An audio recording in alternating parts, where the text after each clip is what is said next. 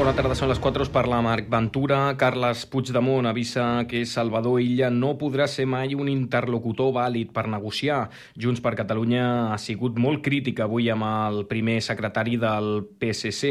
Primer ha estat el secretari general del partit, Jordi Turull, qui ha apuntat que això de donar protagonisme a qui va enganyar Junts el dia abans del pacte de la vergonya a Barcelona per impedir que Xavier Trias en fos l'alcalde és una manera molt estranya de demostrar demostrar que són de fiar. Un missatge al qual s'hi ha sumat l'expresident Carles Puigdemont, que en una publicació a X, l'antic Twitter, ha avisat que Salvador Illa no podrà ser mai un interlocutor vàlid per generar confiança. El socialista, per la seva banda, assegura que no busca protagonisme en les negociacions, però remarca que no passarà res que el PSC no vegi.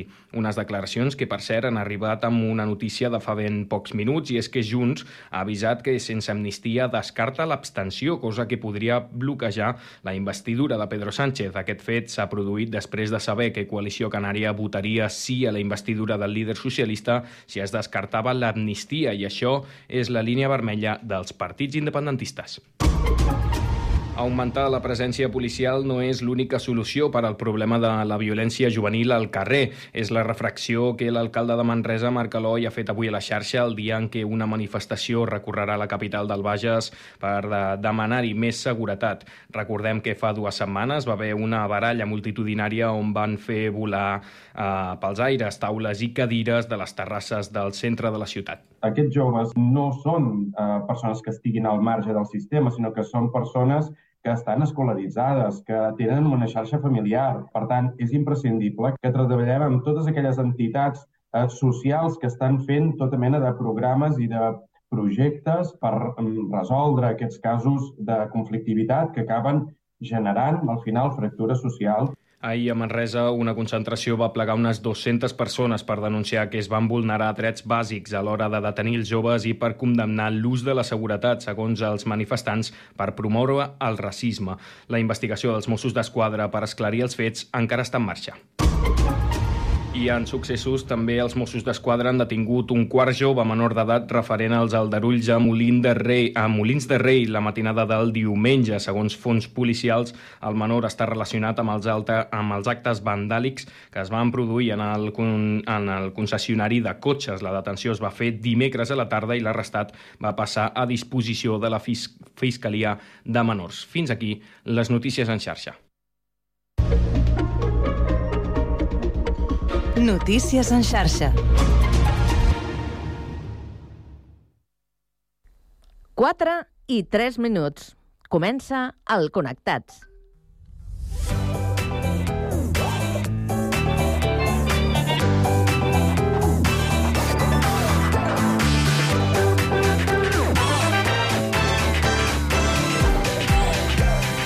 Connectats amb Carme Reversa.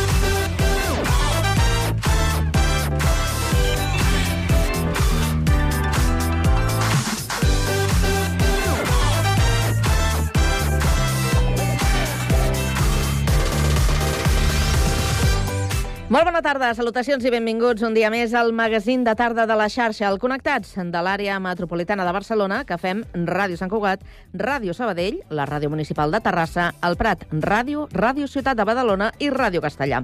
Una salutació també de tot l'equip conduït a la part tècnica per Pablo Palenzuela, Jessica Rius a la producció i de qui us parla, Carme Reverte. Avui és dijous 5 d'octubre i volem saber també quin temps ens espera aquesta tarda. Lluís Mi Pérez, Bona tarda. Una mica menys de calor que no pas ahir a aquesta hora, sobretot a les comarques de la costa, però sensació de xafogó. L'ambient està força carregat, tenim molta humitat hi ha també mala visibilitat, alguns núvols baixos que no s'acaben de desfer entre la costa i el prelitoral i també d'altres que estan creixent a les muntanyes de Girona. No esperem que arribin a deixar cap mena de pluja en qualsevol cas, un ambient més serè i sobretot més transparent cap a l'Alt Pirineu. Al llarg d'aquesta nit i demà al matí tornaran a aparèixer molts bancs de boira a l'interior del país. Només a l'Alt Pirineu tindrem el temps més ras. També alguns núvols que es passejaran a les comarques de la costa. I al llarg del migdia i de primeres hores de la tarda, del divendres, s'aniran retirant aquestes nuvolades. Per tant, tornarà a ser un dia força xafogós i, de fet, demà pujarà ràpidament la temperatura fins als 30 o 32 graus a moltes poblacions, sobretot de Lleida. Us seguirem a la xarxa.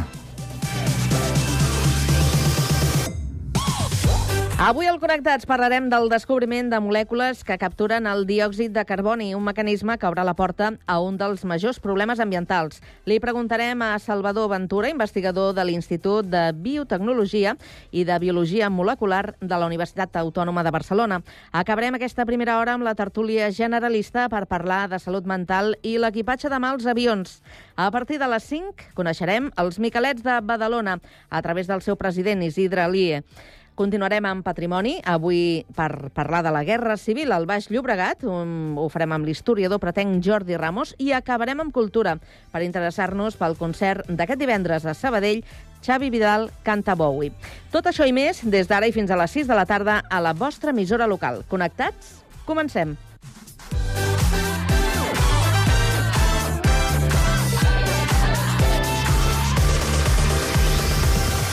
Connectats amb Carme Reverte.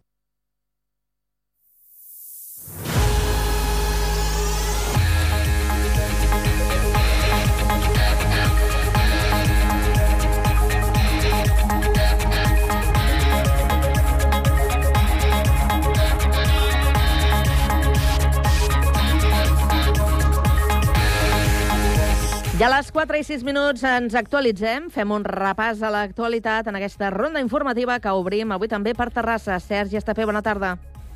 Bona tarda, neix a Terrassa el Festival Àlbum que pretén convertir-se en un referent de la creació fotogràfica contemporània al país i també un trampolí per a artistes en projectes arriscats i crítics tindrà lloc del 4 de novembre al 3 de desembre amb la particularitat que es podrà veure diferents espais històrics de la ciutat com la Seu d'Ègara, la Casa Alegre de Sagrera o el claustre de Sant Francesc. El programa compta amb l'exposició de vuit artistes en diferents gèneres fotogràfics. Destaca el fotoperiodisme a Transinítria, de Hannah Harsabek i Archipiélagos d'Irelenes. En el pla més documental ha un treball sobre el col·lectiu LGTBI d'Aitor Fernández i Victori, Verónica Taranilla, que es diu Tenien por però calia sortir. I per la seva banda, l'aclamada fotògrafa Ana Becerra portarà una mostra sobre la nova feminitat i la terrassenca les Nuevas Eves. El festival Àlbum, organitzat per l'Ajuntament de Terrassa, es completa amb les exposicions de quatre entitats de la ciutat, el Fotoclub Amics de les Arts, Carol Priego i el Nectec. Gràcies, Sergi. I ara continuem el, continuem el repàs per la Q-Capital. Avui a Sabadell, què és notícia? Pau Duran, bona tarda. Bona tarda. Entre avui i demà s'inaugura la llibreria Malapessa, situada al carrer Doctor Puig número 14. Vol ser un punt de trobada dels eixos temàtics que treballen en aquest pol de cooperatives, com ara l'economia social i solidària, el feminisme i l'ecologia.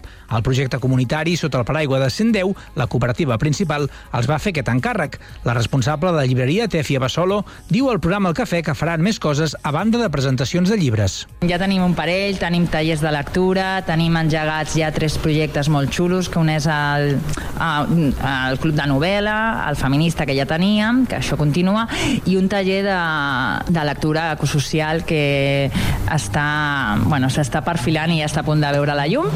I de presentacions, xerrades, actes i de més, evidentment l'espai convida a fer totes aquestes coses i nosaltres tenim moltes ganes. Aquest projecte reprèn l'experiència de la llibreria Macondo del carrer de la Rosa. Aquesta tarda ja es farà la primera trobada amb els més menuts per crear la seva comunitat, al Malapussa, a les lleixes de la llibreria i acabareu trobant aproximadament un miler de llibres.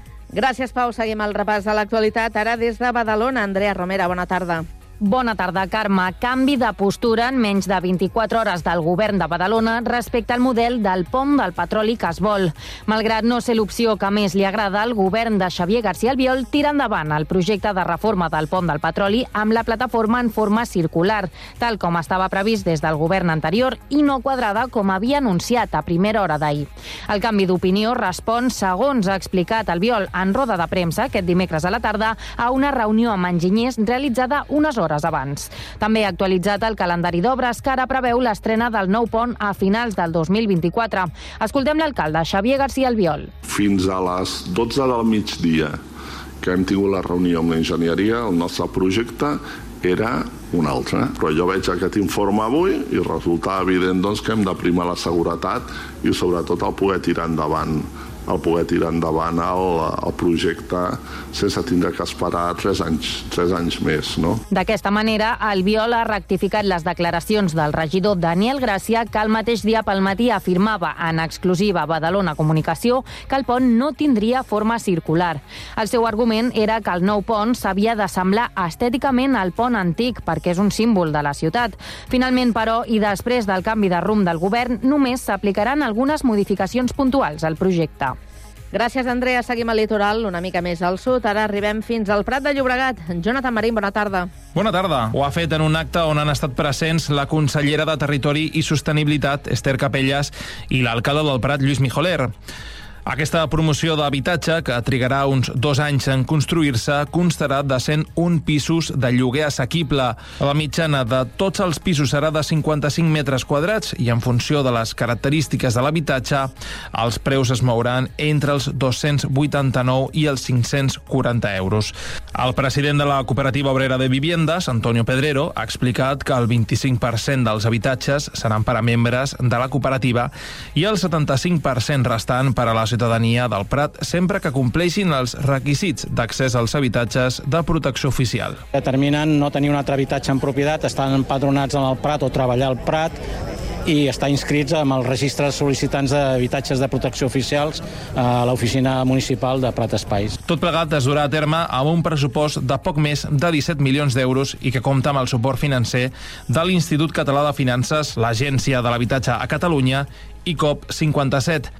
Gràcies, Jonathan. Seguim el repàs. Ara, de retorn al Vallès, ens aturem a Castellà. Rocío Gómez, bona tarda. Bona tarda. Finalment, l'obra social benèfica ha aconseguit l'ajut de sis patrocinadors que faran possible que participi a les primeres Resiolimpíades del Vallès, que se celebren aquest divendres al pavelló Joan Sapé de Sant Antoni de Vilamajor a partir de les 10 del matí, amb la participació de 14 residències més dels dos Vallesos, gràcies al Centre Auditiu Castellà, CRAP, Inver Group, Càrniques Merci, l'Associació de Veïns i Comerciants del Centre, la Pastisseria Llillo Cakes i la Farmàcia, ABB, entre d'altres, s'han aconseguit requerit els 1.300 euros necessaris per a l'activitat. Els participants hauran de passar per 8 proves de velocitat, llançament de pes, llançament de javelina, bàsquet, futbol, ciclisme i cursa de relleus en cadira de rodes amb peces pel personal de les residències. Gràcies, Rocío. I tancarem amb la crònica de Sant Cugat. Jessica Ríos, bona tarda.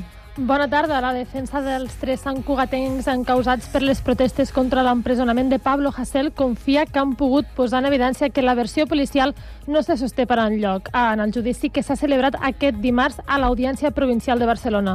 L'advocat dels santcugatencs, David Aranda, ha explicat que han pogut contradir la versió dels agents de policia que durant el judici han defensat que van fer seguiment de quatre persones que estaven causant aldarulls al voltant del passeig de Gràcia amb Verdaguer. Escoltem Aranda de policia van mantenir que van veure eh, quatre persones causant uns diversos aldarulls des de les 9 i quart fins a les 10 i quart que van procedir a la detenció, però vam aconseguir demostrar a través de les ubicacions de l'històric d'ubicacions de Google que les persones que s'estaven acusant, eh, els tres acusats, trobaven a la zona de Gràcia, de Torrent de l'Olla, Plaça de la Gràcia, etc, perquè llavors amb la qual cosa eh, bueno, van poder contradir la, la versió policial, diguem-ne. L'advocat també ha explicat que els agents no van concretar cap acció que haurien comès els acusats i que, eh, tot i que van fer eh, seguiment a quatre persones per causar aldarulls, només en van detenir a tres. Els tres santcugatencs s'enfronten a dos anys de presó per un presumpte delicte de desordres públics, atemptat contra l'autoritat i danys pel llançament d'objectes. El Ministeri Públic també demana una multa de 290 euros per cap i que no puguin apropar-se a més a menys de 200 metres del passeig de Gràcia.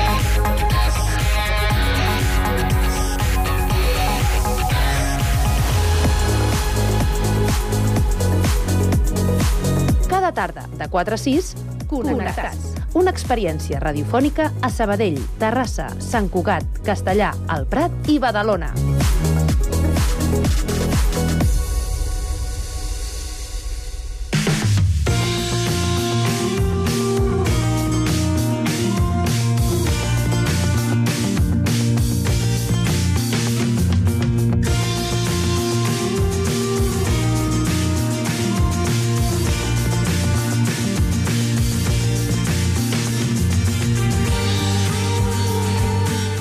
Investigadors de la Universitat Autònoma de Barcelona han desenvolupat uns nanoenzims mínims amb capacitat per capturar el diòxid de carboni emès en processos industrials i aplica aplicables també en altres processos de remediació ambiental. Com, eh, com us podeu imaginar, això obre tot un món de possibles solucions. Pau Duran, bona tarda. Amb qui podem parlar avui? Bona tarda. En parlem amb en Salvador Ventura, que és investigador de l'Institut de Biotecnologia i de Biomedicina i del Departament de Bioquímica i de Biologia Molecular de la Universitat Autònoma de Barcelona. Gràcies per atendre'n, Salvador. Moltes gràcies a vosaltres per contactar-nos. A veure, eh, sona molt bé això, però ens ho has d'explicar una mica perquè ho entenguem. Molècules mínimes amb capacitat per capturar el diòxid de carboni. Sí, us intento explicar una miqueta. Eh, el nostre grup treballa essencialment en l'ensamblatge de proteïnes. Nosaltres som experts en proteïnes i eh, el que estudiem és com les proteïnes s'uneixen unes a altres per donar estructures més grans. Un d'aquests tipus d'estructures és unes eh, estructures que s'anomenen fibres amiloids, que igual us sonen perquè tenen un costat dolent que estan relacionats amb Parkinson, Alzheimer i altres malalties. Ah. Però existeixen tota una sèrie d'organismes que utilitzen aquestes estructures per funcions beneficioses, d'acord? Llavors, les proteïnes que formen aquestes estructures són molt complicades, molt difícils de treballar amb elles i realment a la pràctica no són funcionals. Llavors, la nostra idea en aquest treball era generar una unitat mínima que fos capaç d'ensamblar-se en aquest tipus d'estructures amiloids. Són estructures que, diguéssim, eh, generes una cosa molt petiteta, que són un pèptid de set aminoàcids, i s'ensambla de forma autom automàtica en eh, milions de còpies d'aquest pèptid, molt ben ordenades a l'espai. I això és el que vam aconseguir inicialment. I després ens vam pensar si li podíem dotar d'una funció en aquestes fibres. És un material que és inert, és un material que no és tòxic, és un material que és reciclable, és proteic i també és degradable.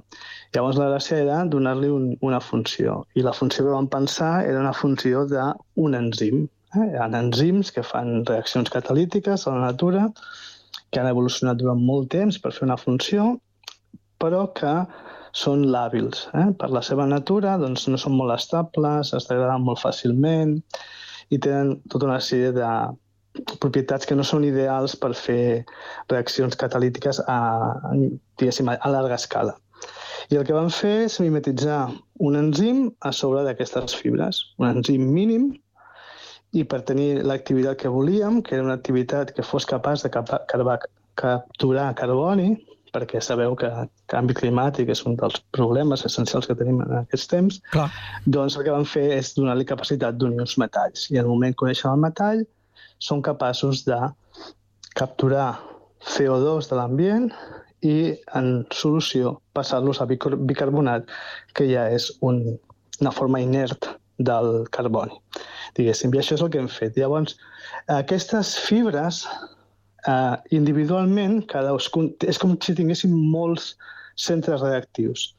Llavors, cadascun d'aquests centres reactius és molt poc eficient perquè realment nosaltres l'hem fet al laboratori i la natura ha evolucionat els seus enzims. L'enzim que fa això s'anomena eh, anidrasa carbònica, l'ha evolucionat durant molts anys. Però la gràcia és que nosaltres tenim milions de centres actius i, per tant, encara que cadascun d'ells és molt dolent, la suma dels tots fa que siguin millors que els enzims que tenim a l'actualitat. Llavors, eh, a veure si t'he seguit, eh, Salvador, el tema seria sí. poder capturar el diòxid de carboni i que acabi resultant-ne bicarbonat? Exacte. Això és el que fa l'enzim natural que catalitza aquesta reacció, que és molt eficient, i essencialment és el que s'està intentant utilitzar. Llavors, hi ha gent que està intentant fer que aquest enzim sigui més estable d'acord?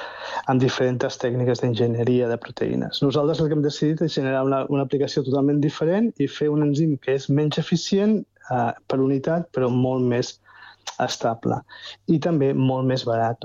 Perquè la gràcia és que cadascuna d'aquestes subunitats és super econòmica i després s'autoensambla. No hem de generar una cosa molt complexa inicialment, sinó que senzillament la deixem a, la Pollata, eh, en el laboratori, durant aproximadament sis dies, i ja tenim la superestructura que és visible al microscopi de transmissió electrònica, per exemple, com una fibra molt, molt ordenada. Clar, tu ja parlaves una mica d'aquest problema ambiental que tenim. Llavors, això eh, s'ha tacut? Com es podia materialitzar? Quina implicació podria tenir per anar capturant aquest diòxid de carboni la idea, sobrer? Essencialment, sí, la idea és generar... Primer s'ha d'escalar, això que hem fet és escalar al laboratori, per tant, hem de veure si es pot escalar i és des d'un punt de vista econòmic rentable, s'han de fer els càlculs corresponents, però essencialment eh, el podríem posar en qualsevol solució, en aigües, per exemple, i eh, això permetria eh, capturar el CO2 i la gràcia que té aquest tipus de fibres és que jo després les puc, com són grans, les puc eh, recuperar i les puc, les puc incorporar en un nou cicle mentre que l'enzim original es perd quan el poses a la solució perquè és soluble, diguéssim, mentre que les fibres són insolubles i, per tant, jo les puc reciclar tants cicles com siguin possibles. Per tant, amb molta menor quantitat puc fer molta més reacció. Aquesta és una mica la gràcia. Sense generar-te res sobrer que t'impliqui un, un problema afegit, eh, Salvador? Exactament. Sí, en el cas que nosaltres volguéssim degradar aquestes fibres, com estan fetes de proteïnes, la proteïna és biodegradable, per tant la podríem degradar. Però són insolubles i les podem separar del solvent en el moment que... És a dir, les deixem que facin la seva reacció i una vegada la reacció ha sigut acabada, les podem precipitar, netejar i tornar a utilitzar posant un nou metall. Entenc que això eh, us veu posar cap al 2018 a començar aquesta investigació? Aproximadament, sí. La, portem ja un temps amb, intentant dissenyar subunitats mínimes que s'autoensamblin perquè creiem que és una forma de generar superestructures molt fàcil i, i molt econòmica i les hem fet servir per diferents uh, activitats. Eh? Les hem fet servir, per exemple, per una activitat oxidasa, que té importància en certs processos industrials, però fins ara el que no havíem fet mai és uh, unir un metall que és el que, que, és el que et dona aquesta activitat de fixar el, el diòxid de carboni.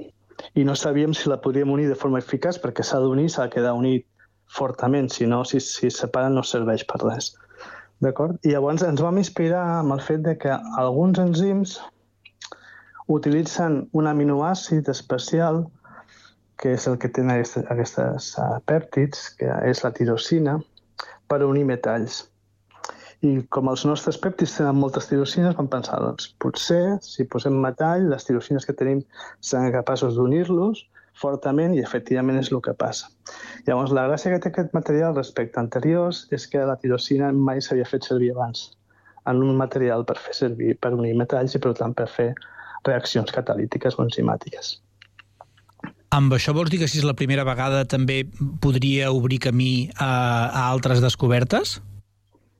Sí, i tenim molta confiança en aquest tipus de fibres.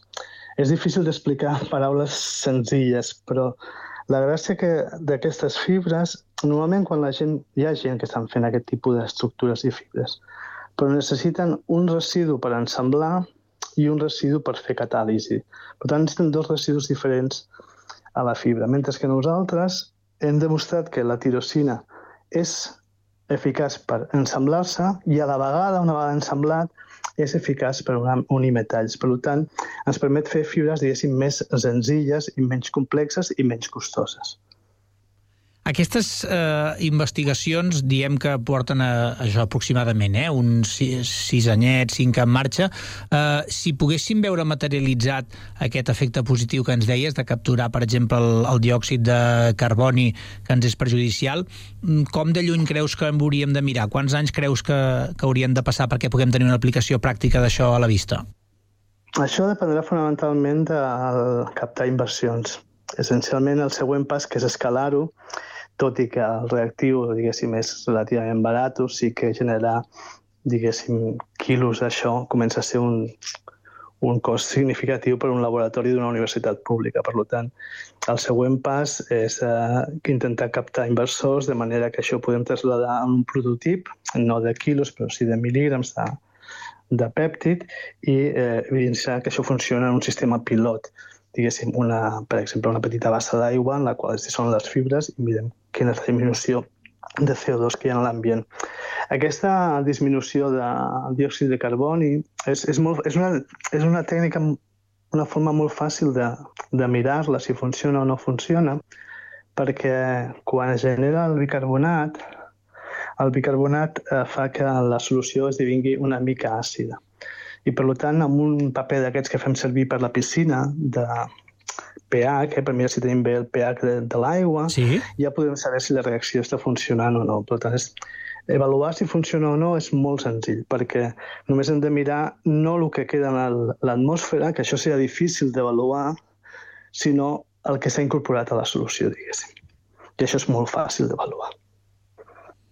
Veig també el, en la nota que ens heu enviat sobre la descoberta, Salvador, que sí. eh, aquest descobriment també aporta una nova perspectiva sobre el, el que podria ser el, els inicis de la vida, de fet. Sí, això de fet és...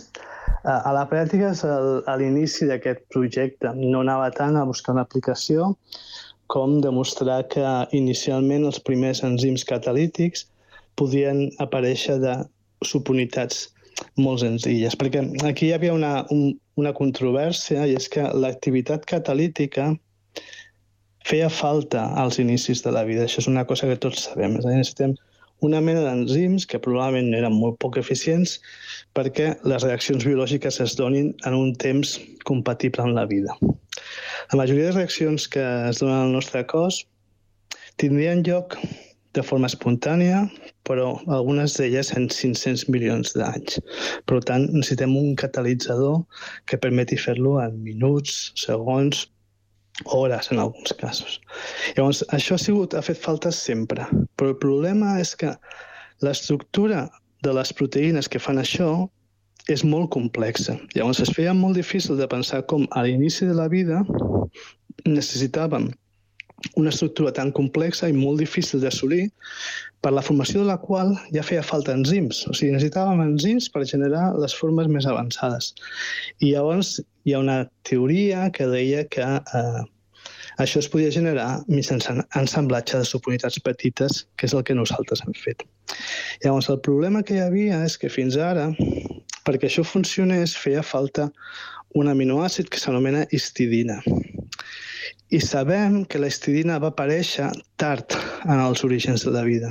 Per tant, encara teníem un problema, i és que si és veritat que s'ensamblen, si és veritat que s'ensamblen i quan tenen histidina són actives, però aquest aminoàcid no estava disponible en aquell moment.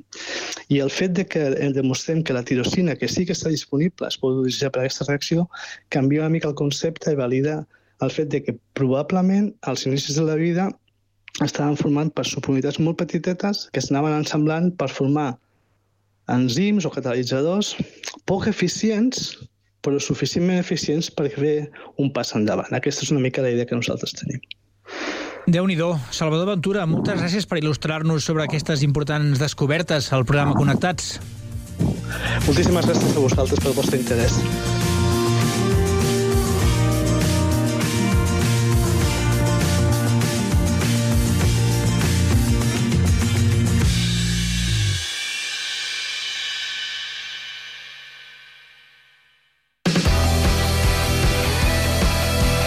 A la tarda, no et desconnectis. Connectats.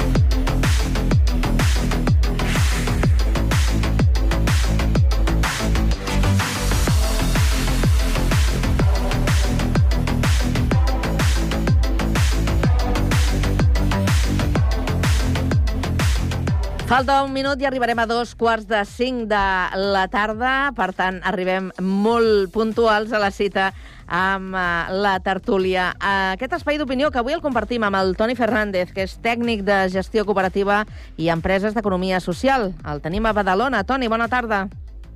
Hola, molt bona tarda. Benvingut. També saludem el Josep Vallvé, que és exempleat de Caixa d'Estalvi i columnista a Terrassa. Josep, bona tarda. Bona tarda, ben trobats. I a Sant Cugat, aquí a l'estudi, m'acompanya la Lourdes Dalmau, que és professora eh, llicenciada en Economia i Empresa. Lourdes, bona tarda. Hola, molt bona tarda a tothom, especialment a tu, Josep. Ah, sí? Us coneixeu? Heu coincidit altra vegada? Tenim algun conegut, eh, hem coincidit aquí a la ràdio i tenim algun conegut comú. Compartim algun amic comú. Mm. Per situacions com aquesta, per situacions com aquesta, el nom del programa, Connectats, perquè molt veieu... Content, molt content de la referència, eh? Bé, doncs, uh, qüestions uh, personals uh, a banda. Anem a compartir aquesta estona de ràdio eh, fins que tanquem aquesta primera hora, parlant d'un parell de temes d'actualitat. Un, malauradament, és un tema que ja l'hem tractat en diverses ocasions i que té a veure amb la salut eh, mental, però en aquesta ocasió centrada en l'àmbit eh, laboral, perquè, com eh, ja sabeu, hi ha hagut un estudi de l'entitat Obertament que ha posat de relleu una una sèrie de dades, una informació que podríem dir que mm, és preocupant que com a mínim eh, fa, fa pensar doncs, que, que les coses eh, han de canviar, han de millorar i que requereixen d'una reflexió. Entre els resultats que, que es troben en aquest estudi d'Obertament, ens expliquen que el 90 el 90% de les persones amb problemes de salut mental no ho diuen a, a la feina. Eh, és molta gent. Això d'entrada.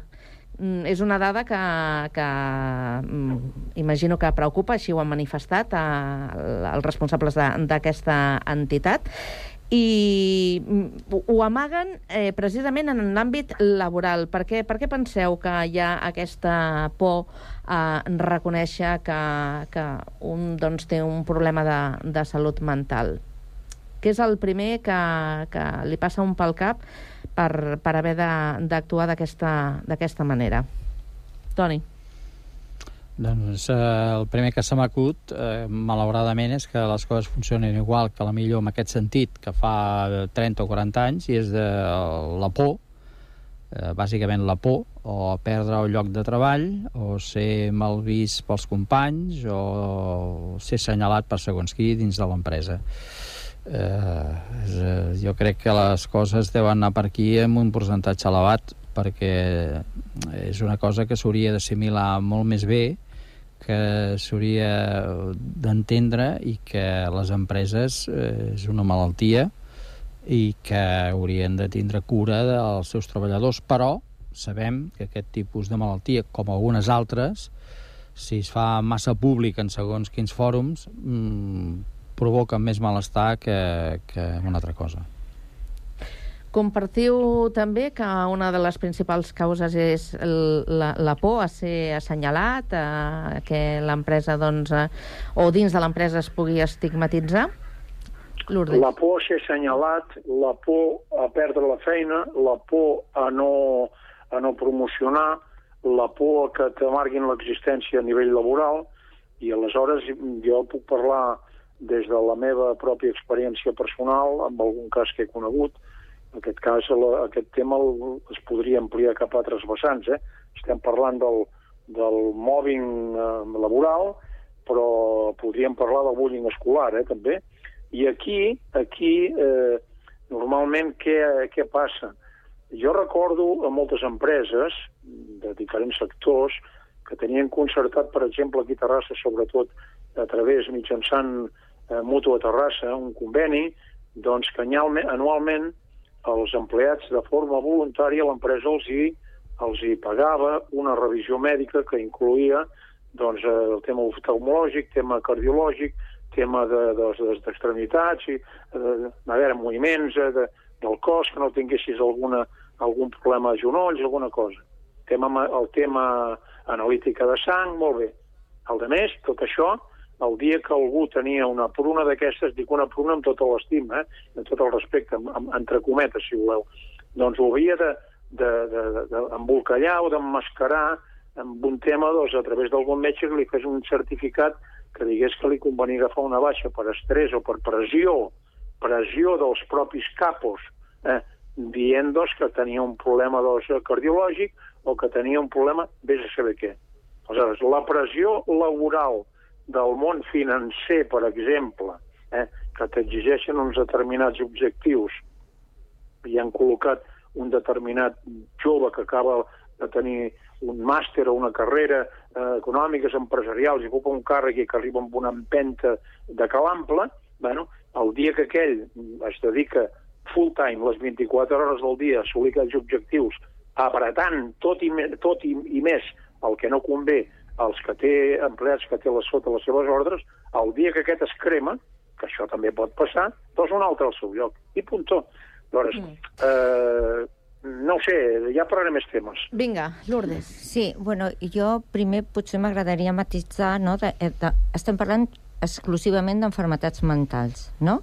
Ah, sí. Aleshores... I dins de l'àmbit laboral, quines i, són bueno, és les, que les, el que passa les reaccions, les actituds els comportaments. Sí. El que passa és que la condició de l'enfermetat mental, que jo tinc entès, poden venir per dues vies, unes endògenes i unes altres exògenes. És a dir, unes que la pròpia persona, diguem-li, ja és propensa o té alguns, algun tipus de problemes, i d'altres estan produïdes per un entorn que pot ser domèstic o pot ser laboral. Val?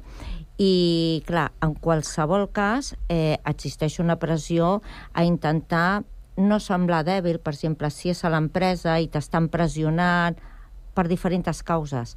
Eh, aleshores, mm, un sempre procura que no se li vegin les debilitats si es, es vol allà mantenir i, per tant, eh, això t'afecta i llavors també el fet de que les enfermetats mentals estan estigmatitzades.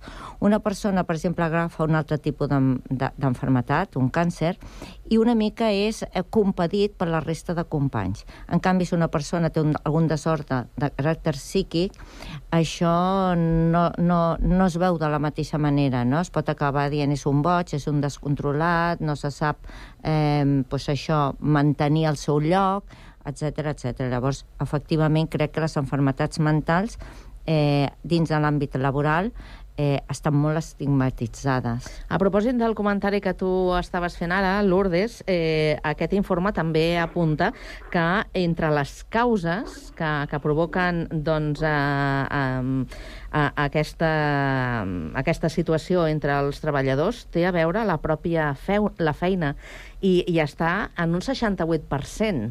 Jo penso que la pròpia feina i també les condicions de cada persona. Per exemple, jo dins del meu món de l'ensenyança és que quants professors no estan de baixa per estrès, per de vegades per al comportament que s'ha anat generant dins de les aules, de la falta de respecte, etc etc. I, i, i, bueno, i tenim tota una, un una barreja de components, no? De vegades la incapacitat tu de poder posar les coses tal com creus que haurien de ser i, i les condicions que tens, mm. val? Eh, aleshores tu veus que potser també eh, aviam et sents com dèbil, eh? o potser som pocs resistents a l'adversitat.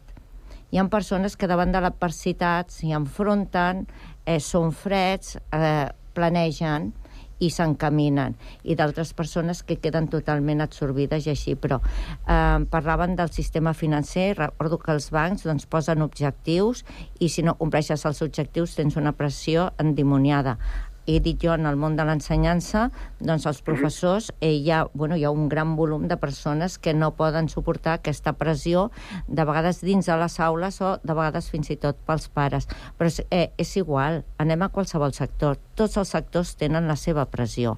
Per tant... Anem al Digues, digues. Eh, no. Jo, jo us volia preguntar, eh, posem-nos ara eh, en, eh, Perdoneu, eh? en, en, el, en el lloc de, de l'empresa. O sigui, què pot fer l'empresa per contribuir a millorar doncs, eh, aquestes situacions? Perquè eh, les repercussions que això pot tenir dins del seu propi negoci Eh, són negatives. Són negatives. Bueno, de vegades diuen l'eliminació de persones tòxiques que creen mal ambient mm. als llocs de treball. Sí, senyor crear doncs, uns ambients que siguin agradables, un esperit de col·laboració amb equip i no de competició entre els companys. Eh, sí, es poden fer coses, m'imagino, però clar, totes les coses requereixen un pressupost. I per molt que les empreses ara doncs, tenen aquesta idea d'incorporar els valors socials i, i la conciliació i que tenen molt bona fe, però al final les coses es tradueixen en números. I si els números no surten, totes les bones intencions queden aturades. Toni. Home, jo, jo penso que en aquest sentit, eh, d'alguna manera, aquestes malalties eh, no s'han atacat bé, no se n'hi ha fet cas fins ara. Cert és que ara determinades empreses sí que eh, tenen cura dels seus treballadors. Eh, aquests treballadors jo crec que no se'ls pot apartar de cap manera, de cap manera. Se'ls ha d'ajudar, eh, se'ls ha de tindre cura de que vagin... Eh, el que no pot ser és que, com passava abans, no? o agafa la baixa, agafa la baixa per no sé quants mesos, llavors torna, llavors no es pot, ja no agafa la sintonia d'aquella empresa, el qual encara li és més difícil i li provoca encara més estrès a aquest treballador jo crec que aquí les empreses han de, han de saber el que tenen, que malauradament pot passar que tinguis un, un treballador contractat i, i li passi això i que és mal negoci per l'empresa, bé, doncs mira, mala sort. Eh, ajuda'l, ajuda'l i sobretot tingues cura de que, ara clar, si aquesta persona és un jeta i tot això és una broma i això, això és una altra cosa. Eh? Estem parlant de patologies clares i confirmades pel sistema mèdic. Llavors aquí, aleshores, doncs, bueno, és com a tot arreu. L'Estat ha de funcionar, el Departament de Sanitat ha de funcionar i les empreses, que a vegades les empreses es pensen que ho fan molt bé i no ho fan tan bé, al marge de grans, de grans temes com bancs, caixes, etc eh, doncs s'hi han de mirar una mica. Jo recordo també l'estrès que van patir no fa gaires mesos al sistema de sanitària de sanitat aquí amb la, amb la Covid. Uh -huh. eh, aquesta gent la va passar molt malament, eh? Metges, infermeres i personal auxiliar i tothom, eh? I, bueno, sembla que ja no ens en recordem. I allà van haver-hi baixes per un tubo i desastres per un tubo i mig. I d'això se n'ha parlat relativament poc Eh, aleshores, eh, hem de funcionar com a societat. Com a societat hem d'aprendre de, de garrotades, com, per exemple, aquesta última de la Covid, però eh, malauradament crec que estem en un país que això li costa, li costa i a vegades és, és, és difícil d'entendre de què li costi. No, a mi m'agrada això de, de vegades aquesta expressió, aquesta postura que queda molt bé i que és molt maca, no? de dir, sobretot, bueno, pues tots, l'empresa ho ha d'afrontar i tal, però què li costa a una empresa un treballador per depressió que potser tingui una causa endògena? eh? que sigui un problema d'estructura, de, de, que hi ha moltes persones, o de vegades doncs persones doncs mira, que estan entra... treballant...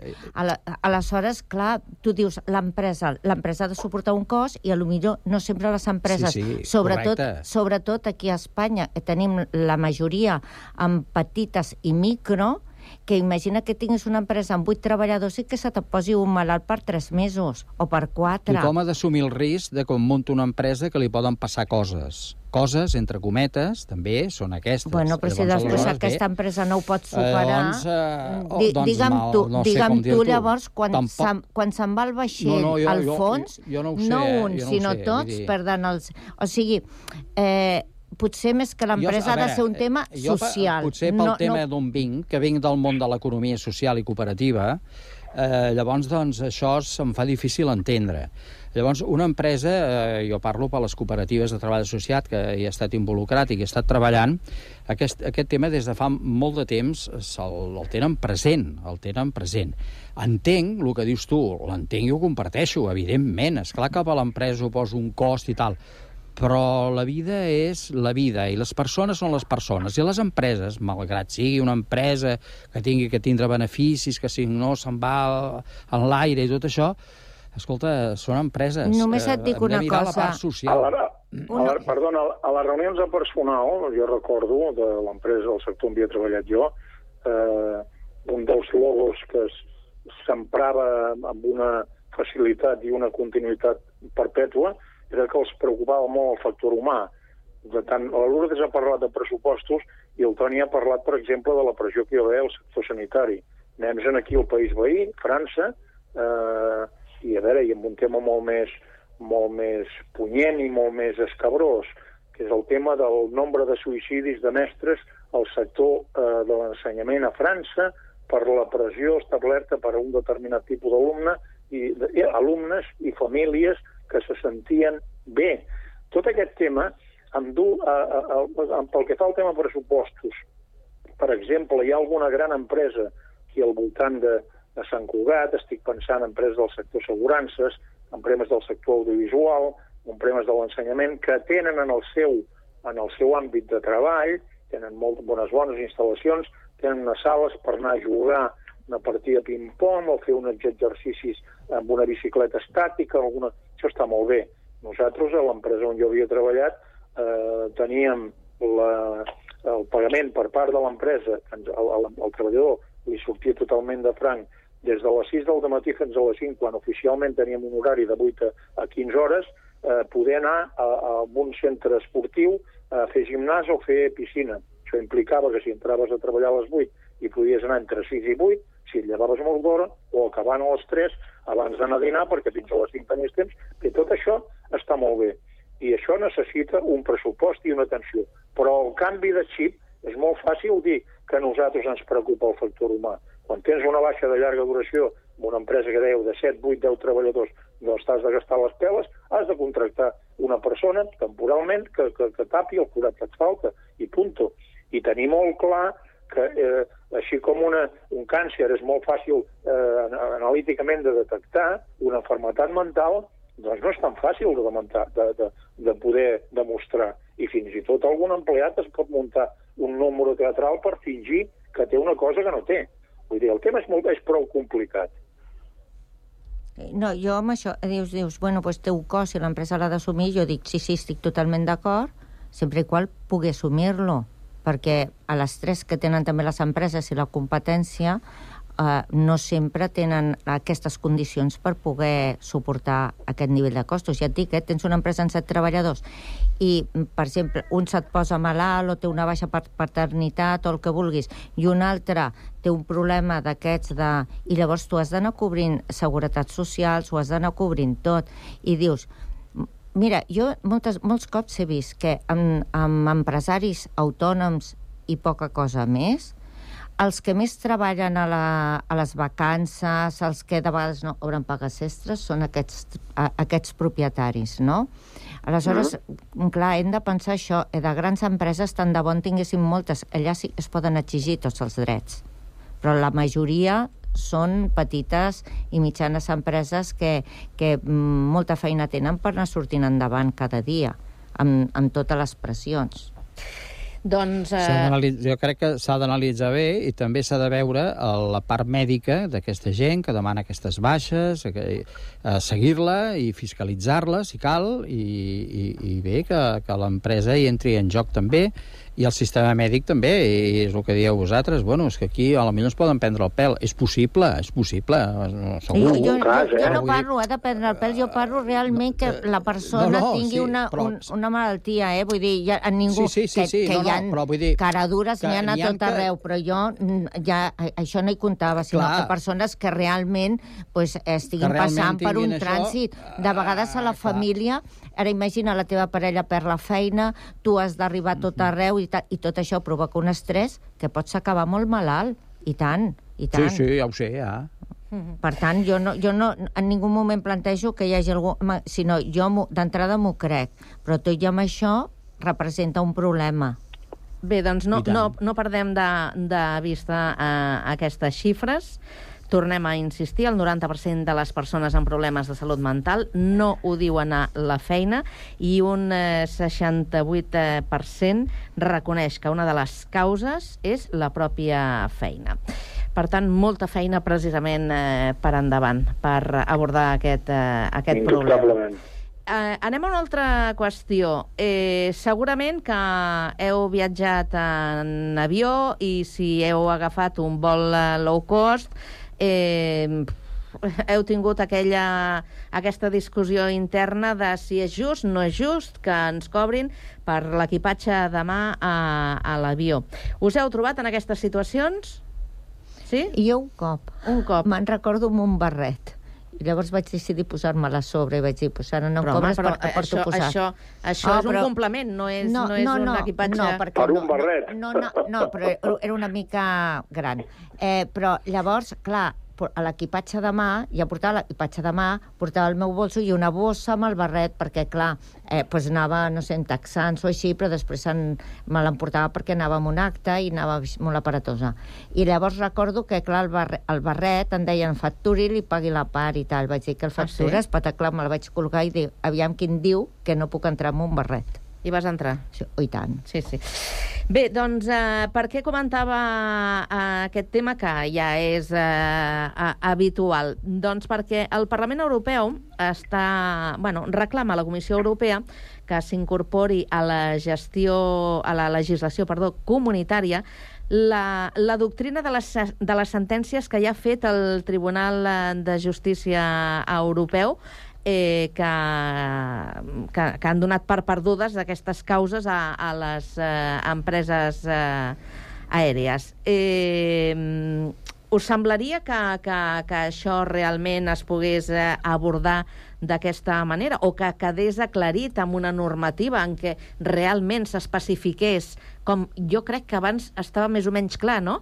Que l'equipatge de mà, com havia de ser, que el podies eh, unes portar... mides. El Tribunal Europeu diu eh, pots portar equipatge de mà si és d'unes determinades mides, que jo tinc entès, a la resta d'Europa crec que no s'aplica. A Espanya, sí, el que et cobren però si tu denuncies a l'associació de consumidors i tal, teòricament no t'ho poden cobrar. Aquí a Espanya segons tinc entès. Mm -hmm. eh? a, mi, a mi em sorprèn personalment, en tot aquest tema, eh, que surti la figura d'un d'un antic diputat, bueno, d'un antic eh, polític que havia estat al Parlament de Catalunya, el Jordi Canyes de Ciutadans, que és un partit doncs, que ha desaparegut al mapa polític i que està a punt de, de fer d'anar-se'n a Norris, eh, no, no sé, eh, que demani un règim sancionador dissuasiu. A vegades això a nivell de, eh, no sé, posarem un altre exemple amb la, amb la metàfora no té res a veure. Tema patinets els han acaben de prohibir a París.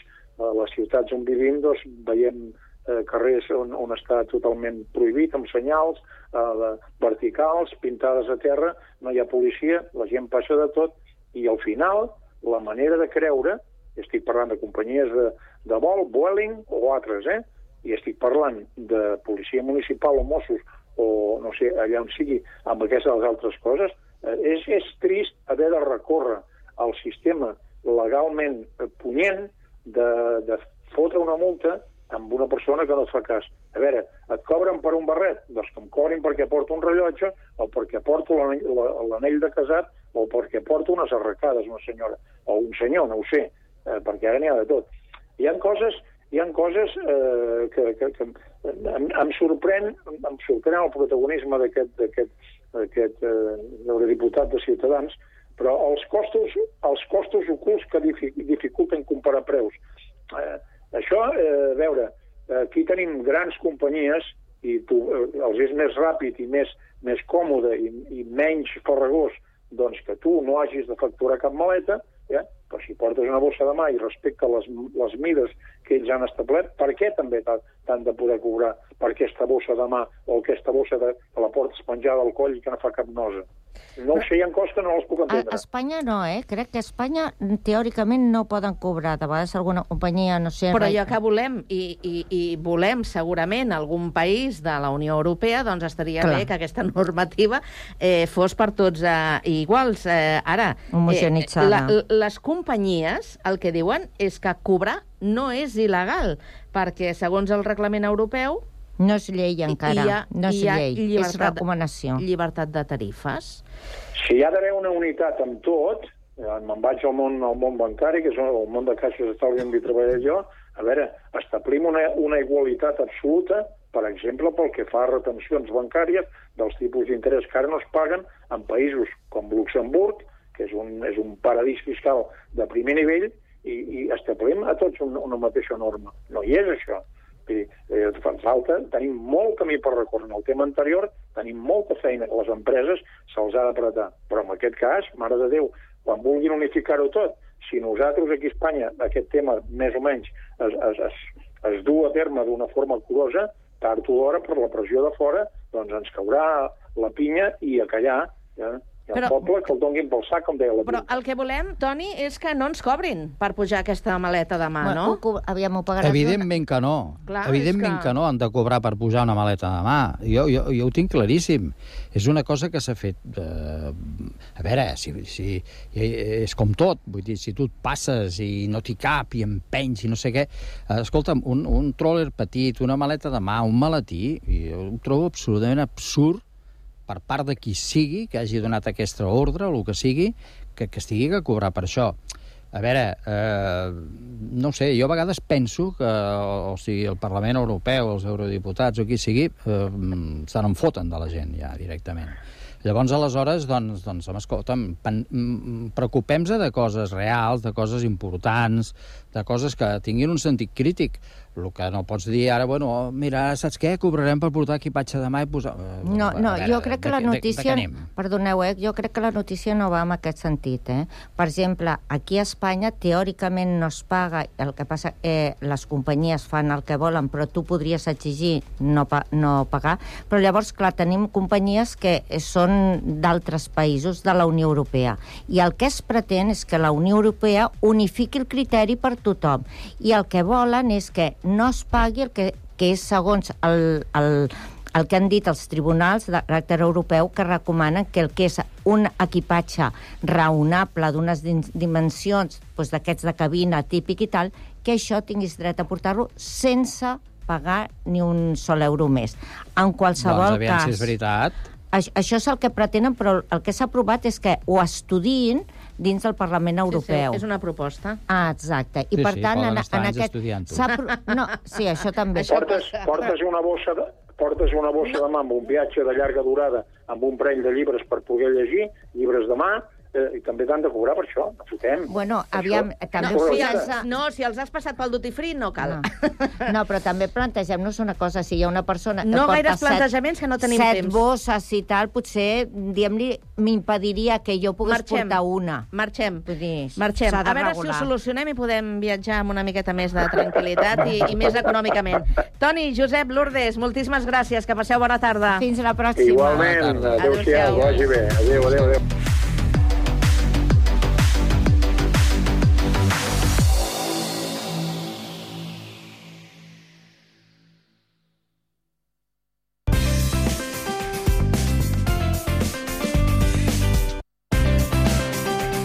Ràdio Sant Cugat, Cugat Mèdia, no-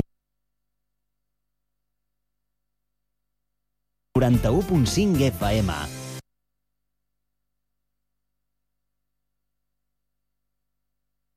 Mèdia, 91.5 FM. La música més propera a tu a Ràdio Sant Cugat. L'olor de cafè dels matins quan em llevo amb tu. Els plats del sopar que ningú té el valor de rentar. I penso en tu a cada moment des que el sol treu el cap pel tagamanent i va il·luminant els somriures de la meva gent. El parell de mitjons de colors oblidats dins el llit. Els veïns del tercer que se'm queixen dels teus crits d'ahir. Quan dius que tens pressa però encara tens temps d'enganxar-te als llençols durant 5 minuts més fent el gos, fent l'amor, expulsant-los la mandra molt lentament. I és que per mi els teus defectes són tan espectaculars. Ningú podrà fer-me dubtar que vull estar amb tu. Jo vull estar amb tu. Vull estar amb tu. Jo vull estar amb tu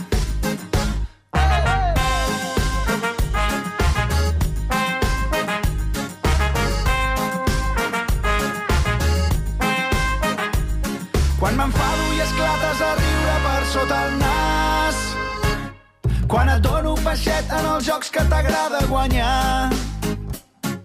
La vida tranquil·la dels dies d'estiu, les nits a la fresca banyant-nos al riu, petons i cançons a la platja de Tamariu. I és que per mi els teus defectes són tan espectaculars. Ningú podrà fer-me dubtar que vull estar amb tu. Jo vull estar amb tu. Vull estar amb tu. Doncs jo vull estar amb tu.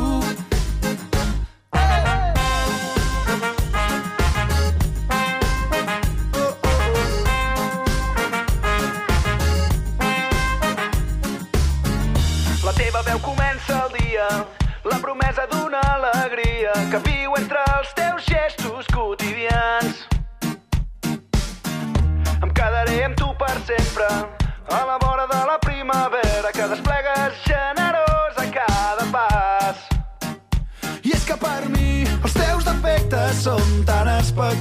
espectaculars. Ningú podrà fer-me dubtar que vull estar amb tu.